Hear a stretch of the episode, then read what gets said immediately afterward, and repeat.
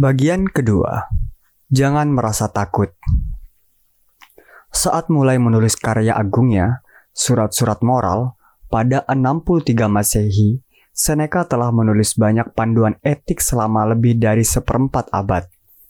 Karya pertamanya yang masih bertahan hingga saat ini, yang ditulis pada 40-an Masehi, merupa berupa surat penghiburan yang dimaksudkan untuk melipur sahabat atau keluarga, termasuk ibunya sendiri yang berduka karena ditinggal orang-orang terkasihnya. Dalam penghiburan untuk Marsia yang menjadi sumber kutipan di bawah ini dan beberapa kutipan lain dalam buku ini, Seneca menulis untuk seorang ibu yang sedang meratapi kematian putranya yang masih remaja. Ingatlah bahwa orang mati tidak lagi dirundung penyakit, dan kisah-kisah yang menggambarkan akhirat sebagai sumber ketakutan hanyalah dongeng belaka. Tak ada kegelapan yang menyelimuti orang mati atau penjara, sungai yang penuh lidah api membara, dan air sungai Lete yang membantu orang mati melupakan kepahitan masa lalunya. Tidak akan ada penghakiman, tidak ada terdakwa, tidak akan ada tiran yang berkuasa untuk kedua kalinya di tanah kebebasan. Para penyair mengarang itu semua demi olah imajinasi semata dan mengusik pikiran kita dengan teror-teror gabuk kematian akan membatalkan semua nestapa, suatu penghujung yang tak bisa dilalui oleh penyakit, mengembalikan kita pada kedamaian yang menaungi kita sebelum kita lahir. Barang siapa mengasihi Barang siapa mengasihani orang mati, biarkanlah dia juga menghasihani orang yang belum lahir. Untuk Marsia 19.4 Dalam esalnya, Ikhwal ketenangan pikiran, Seneca menunjukkan bahwa takut akan kematian tidak hanya membuat proses menghadapi sakaratul maut menjadi lebih sulit, tetapi juga menodai kehormatan dan integritas moral seluruh kehidupan. Dalam kutipan kedua di bawah ini, dia memberi contoh Julius Canus, lelaki yang mungkin tidak akan pernah kita kenal jika tidak dikisahkan Seneca, untuk menggambarkan kejernihan berpikir orang-orang yang tidak takut mati. Apa yang memberatkanmu untuk kembali ke tempat asalmu? Barang siapa tidak memahami cara mati yang baik, dia akan menjalani hidupnya dengan buruk. Sebab itu, kita harus pertama-tama dan yang terutama menurunkan harga yang kita tetapkan untuk kehidupan dan menganggap setiap tarikan napas kita tak berbeda dengan semua yang kita pandang murah. Seperti kata Cicero, kita tidak suka terhadap gladiator yang menggunakan segala cara untuk mempertahankan hidupnya, tetapi kita mendukung mereka jika mereka menolak sikap semacam itu secara terbuka. Kita semua tahu hal yang sama akan menimpa kita semua, tetapi takut menghadapi ajal itu sendiri sering kali menjadi penyebab kematian. Dewi Fortuna yang menganggap kita permainannya berkata, Mengapa aku harus membiarkan kalian hidup, wahai makhluk rendahan penakut? Kalian akan merasakan luka dan sayatan yang lebih parah bila tidak mau belajar menyodorkan tenggorokan kalian ke mata pedang dengan sukarela. Tapi kalian akan hidup lebih, panjang dan mati lebih mudah apabila menerima tebasan pedang tanpa mengelitkan leher atau mengangkat tangan kalian. Orang yang takut akan kematian tidak akan pernah membantu orang-orang yang masih hidup. Namun, dia yang telah mengetahui bahwa kematian sudah tersurat begitu dia dikandung akan hidup dengan berpegang pada prinsip ini, dan di saat yang bersamaan dia akan memastikan dengan menggunakan kekuatan pikirannya bahwa segala yang menimpanya tidak ada yang mengejutkan. Ikhwal ketenangan pikiran 11.4 sampai 6.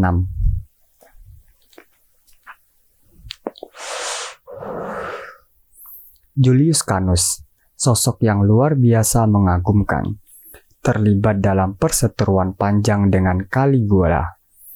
Saat dia meninggalkan ruangan, Caligula, titisan Palaris itu, berkata, supaya kau tidak terbuai oleh angan-angan absurd, aku perintahkan kau dieksekusi.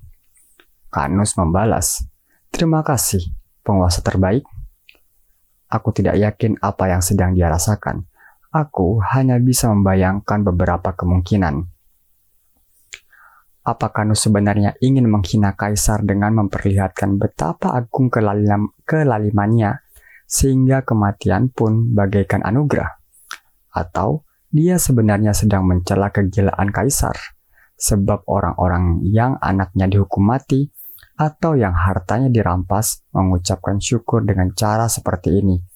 Atau apakah dia menerima hukuman itu dengan senang hati seperti hadiah berupa kebebasan?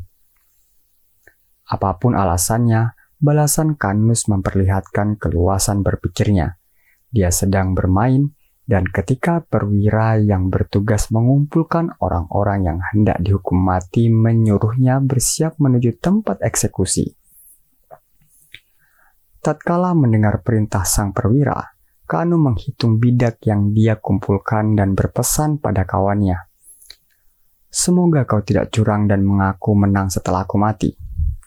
Kemudian dia berpaling pada perwira dan berkata, Kau yang jadi saksinya, aku unggul satu angka. Ikhwal ketenangan pikiran 14.4 sampai 7. Di usia senjanya, ditilik dari surat-surat moral, Seneca melihat begitu banyak penyakit dan kematian menimpa kawan dekatnya dan dia mencatat dengan saksama bagaimana mereka menghadapi tantangan terakhirnya. Seneca kemudian menggunakan kematian mereka sebagai contoh dalam petuahnya bagi seorang kawan, Lucilius, dan bagi seluruh penduduk Romawi melalui penerbitan surat-surat. Lucilius yang terkasih, aku pergi menjumpai Aufidius Basus, seorang lelaki terhormat yang terpukul dan bergumul dengan usianya yang telah lanjut.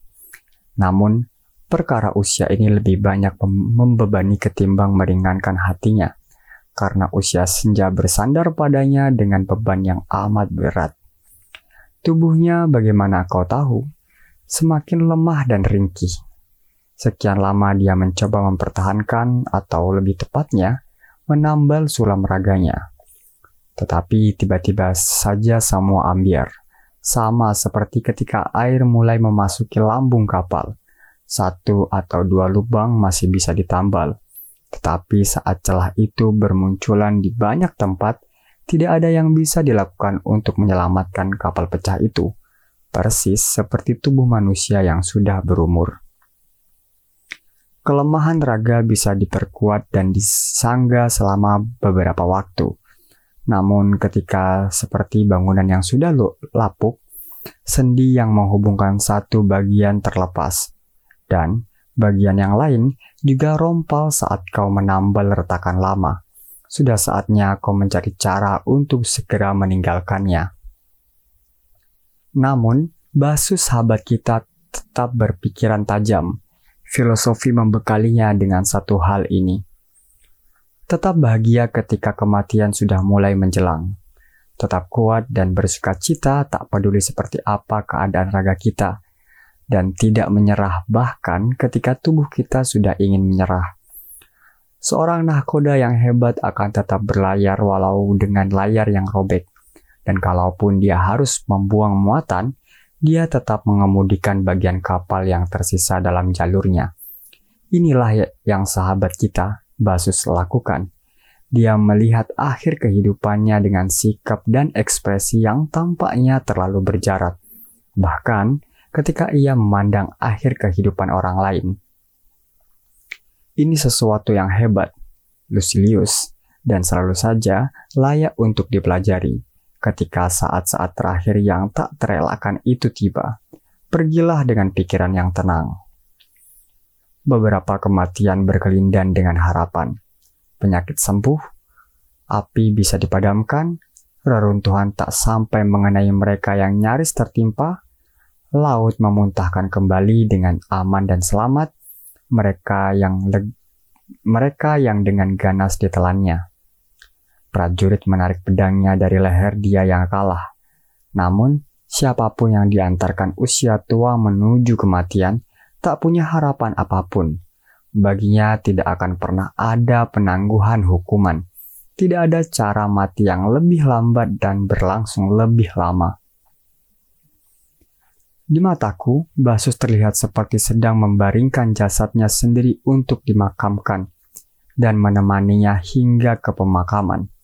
Dia hidup seperti seorang yang lolos dari kematian dan berduka untuk dirinya sendiri sebagaimana layaknya seorang arif bijaksana. Karena demikian lepasnya di karena sedemikian lepasnya dia membicarakan kematian dan menghadapinya dengan tenang, kita pun berpikir, jika ada yang mengganggu atau menakutkan dalam urusan menjelang ajal ini, maka itu adalah kesalahan orang yang berhadapan dengannya, bukan kematian itu sendiri. Tak ada yang lebih mencemaskan ketika menghadapi sakartul maut daripada membayangkan setelah kematian. Aneh sekali mengkhawatirkan sesuatu yang tidak akan kau rasakan, sama seperti mengkhawatirkan sesuatu yang bahkan tidak akan pernah kau alami. Atau, adakah yang pernah berpikir kematian akan bisa dirasakan di saat kematian menjadi satu-satunya hal yang membuat kita tak bisa lagi merasa apa-apa? Karena itu, kata Basus, Sejauh ini kematian melampaui segala kejahatan, sebagaimana dia melampaui segala ketakutan terhadap kejahatan. Aku tahu hal ini sering dikatakan dan sudah pasti terus diulang-ulang, tetapi tak pernah kata-kata itu bermakna bagiku, baik ketika aku membacanya atau mendengar orang-orang mengatakan kita tidak boleh takut pada apa pun yang tidak mengerikan. Bagiku, Orang yang berbicara dari tubir kematianlah yang paling pantas bersuara. Aku akan berterus terang tentang apa yang aku yakini. Menurutku, orang yang berada dalam pusaran kematian lebih berani daripada yang hanya berkitar di tepiannya. Dekat dengan kematian mampu membangkitkan keteguhan hati, bahkan bagi mereka yang tak acuh sekalipun, untuk menghadapi yang niscaya seperti gladiator yang segugup apa pun ketika bertarung, akan menyorongkan lehernya pada musuh dan mengarahkan mata pedangnya ke dirinya sendiri jika gagal menyasar lawan. Namun, kematian yang masih sejangkauan, yang tentu akan tiba, tidak akan membangkitkan keteguhan tekad yang tak tergoyahkan, sesuatu yang langka dan hanya bisa dicapai oleh seorang bijak. Oleh karena itu, Aku akan mendengarkan dengan senang hati siapa pun yang bisa seolah bercerita tentang kematian, memberikan pendapatnya tentang hal itu, dan menggambarkan bagaimana rasanya melihat kematian dari dekat. Aku menduga kau akan lebih percaya dan mengindahkan orang yang hidup kembali dan memberitahumu, berdasarkan pengalaman pribadinya sendiri, bahwa kematian tidaklah jahat tapi mereka yang sudah pernah berhadapan dengan kematian, yang melihatnya mendekat dan kemudian memeluknya, dapat dengan baik memberitahumu kecemasan yang muncul ketika kematian datang. Basus bisa dikatakan termasuk di antara orang-orang itu, orang yang tidak ingin kita terperdaya. Basus mengatakan, takut akan kematian sama bodohnya dengan takut akan usia tua karena usia tua membuntuti usia muda dan kematian membuntuti usia tua. Barang siapa tidak ingin mati, dia berarti juga tidak ingin hidup. Kehidupan dianugerahkan dengan kematian sebagai batasannya, penghujung yang berlaku bagi semua orang.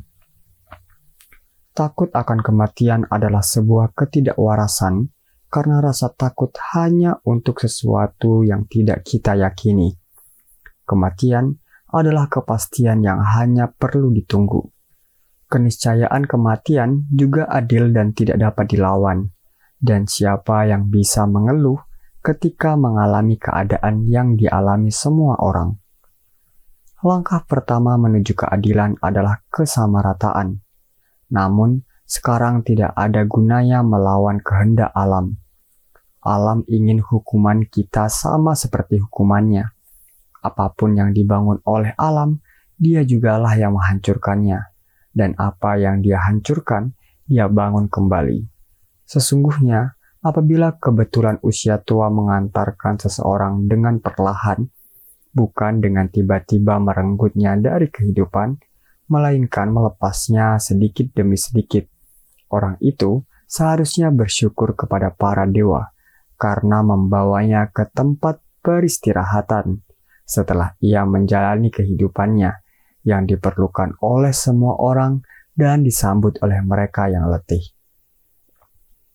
Kau bisa melihat ada orang-orang yang mendambakan kematian, yang bahkan lebih sungguh-sungguh daripada mengejar kehidupan. Aku tidak tahu mana yang membuhulkan tekad lebih kuat untuk kita. Mereka yang memohon kematian atau yang menunggunya dengan tenang dan gembira. Kelompok pertama kadang-kadang muncul, akibat ketidakwarasan atau amarah yang tiba-tiba membuncah.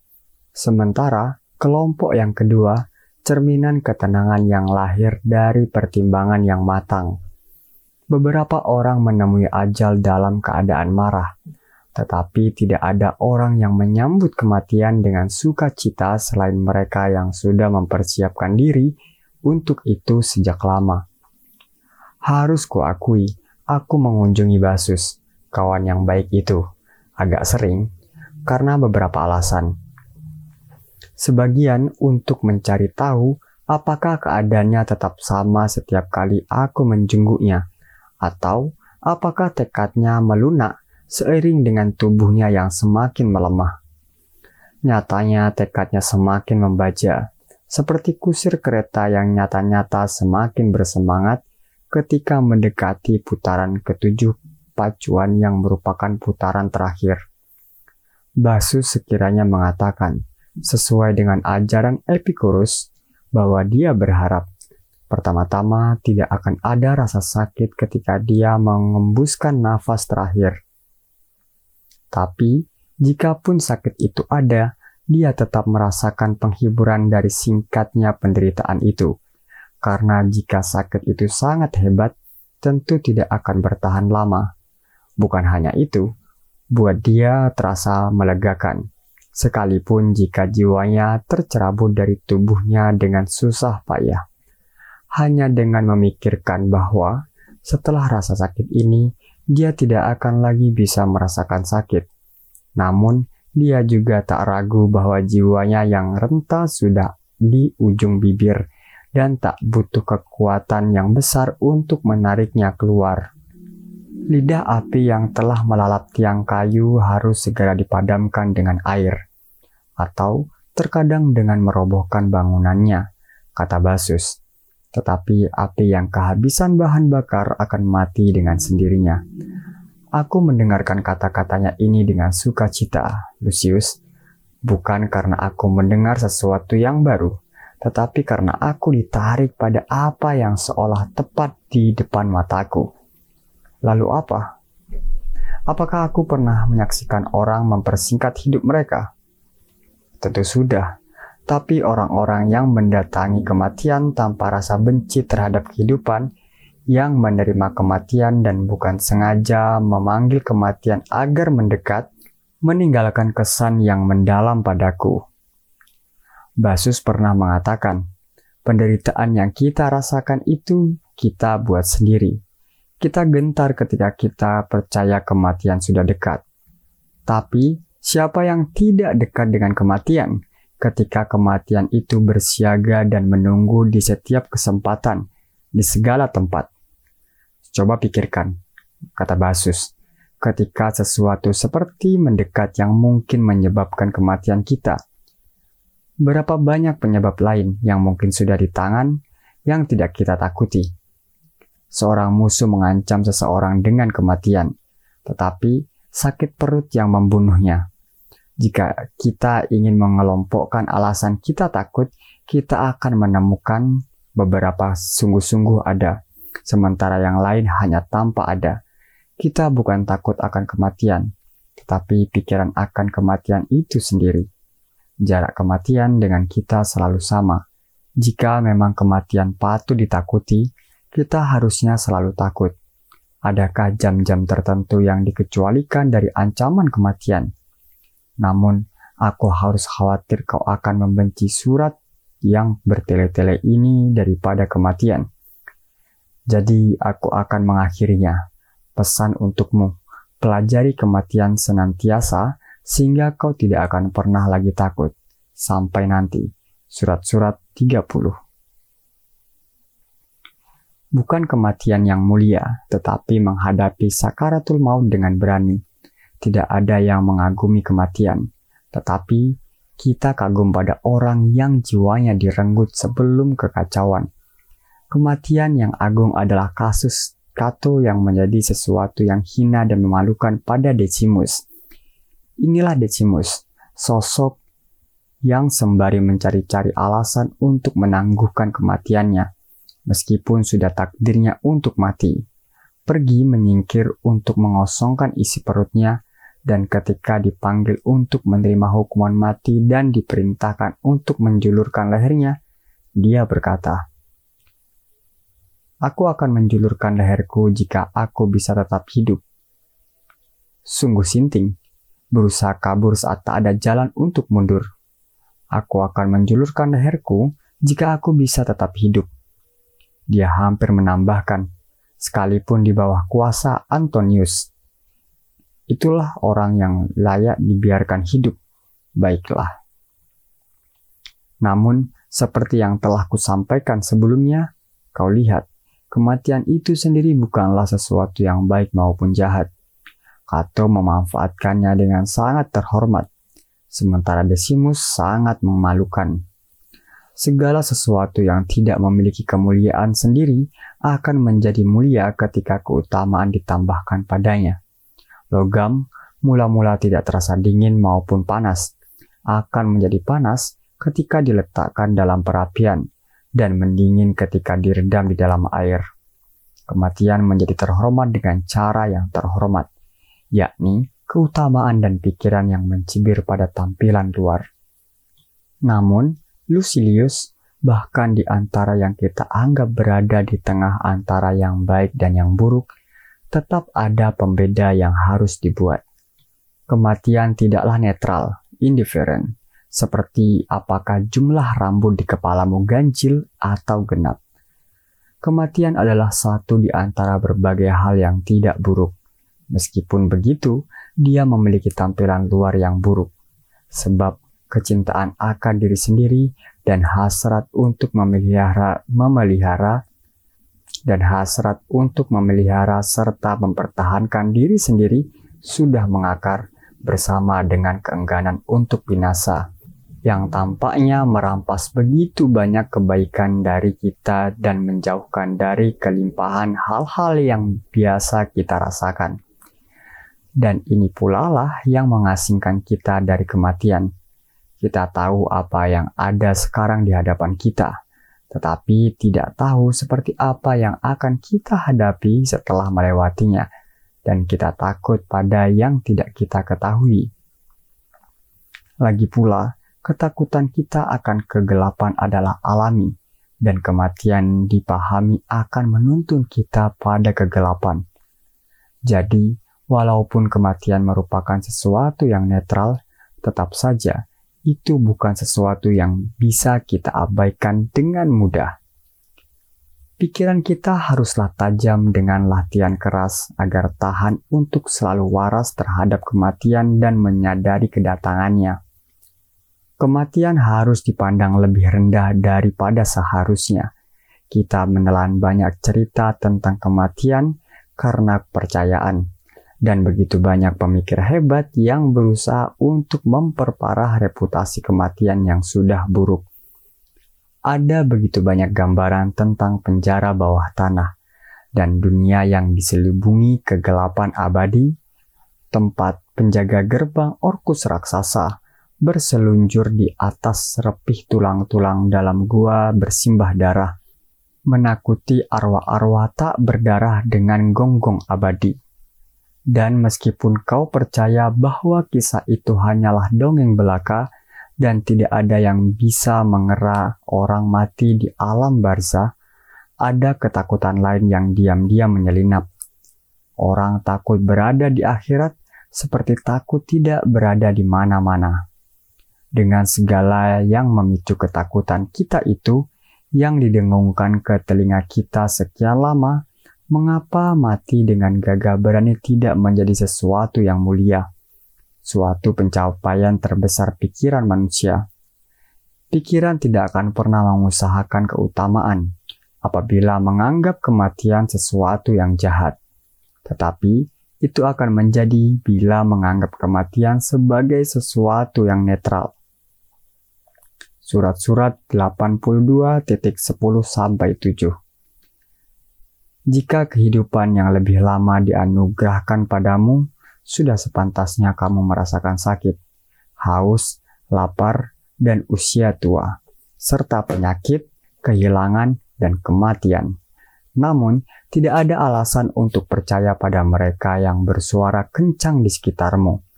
Tak ada di antara semua yang disebutkan itu yang buruk. Tak ada yang tak tertahankan maupun kejam. Rasa takut melekati semua itu hanya karena disepakati demikian. Kau takut akan kematian, tetapi ketakutanmu hanyalah desas-desus dan adakah yang lebih bodoh selain orang yang takut dengan kata-kata? Sahabat kita, Demetrius, sering mengatakan, kata-kata orang bebal muncul dari tempat yang sama dengan suara gemuruh perut mereka. Yang penting bagiku, katanya, apakah gemuruh itu berasal dari atas atau dari bawah? Bodoh sekali jika merasa takut dicela oleh orang-orang tercela Demikian pula, sama seperti tidak ada alasan bagimu untuk takut dengan desas-desus jahat. Kau juga tidak punya alasan untuk takut pada sesuatu yang seharusnya tidak kau takuti apabila desas-desus tidak merasukimu. Tidak ada orang bijak yang mengambil resiko terpercik desas-desus jahat, bukan? Kematian juga memiliki reputasi yang buruk. Tetapi jangan biarkan hal itu memperburuk kematian di mata kita. Tak seorang pun yang mendakwa kematian seperti itu pernah mengalaminya, dan lancang sekali mengutuk sesuatu yang tidak kau ketahui sama sekali. Namun, kau betul-betul tahu, paling tidak ada banyak orang yang menganggap kematian sesuatu yang berfaedah. Berapa banyak orang dibebaskan kematian dari siksaan kemiskinan, ratapan, hukuman, keletihan. Kita tidak di bawah cengkeraman kuasa siapa-siapa jika kematian dalam kuasa kita. Surat-surat 91 titik 18 sampai 21.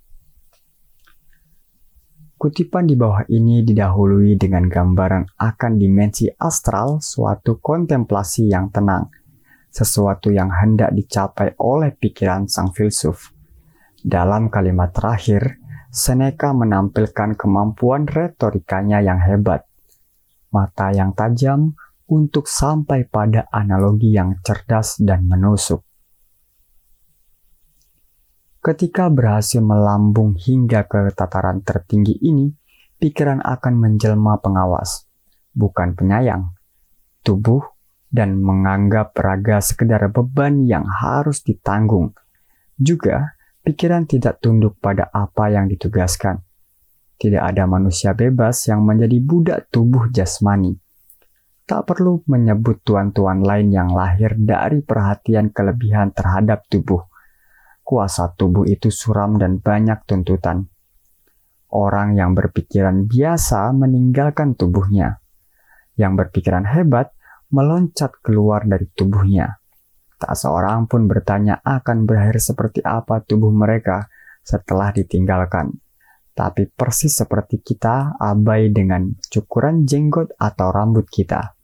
Demikian pula pikiran adiluhung itu yang bersiap meninggalkan wadah manusiawinya, menganggap keadaan akhir wadah itu entah terbakar api atau terkubur tanah atau dicabik binatang liar tidaklah penting baginya, seperti tembuni bagi orok. Surat-surat 92.33 sampai 34. Terima kasih telah mendengarkan. Sampai jumpa di episode selanjutnya. Akhir kata, terima kasih.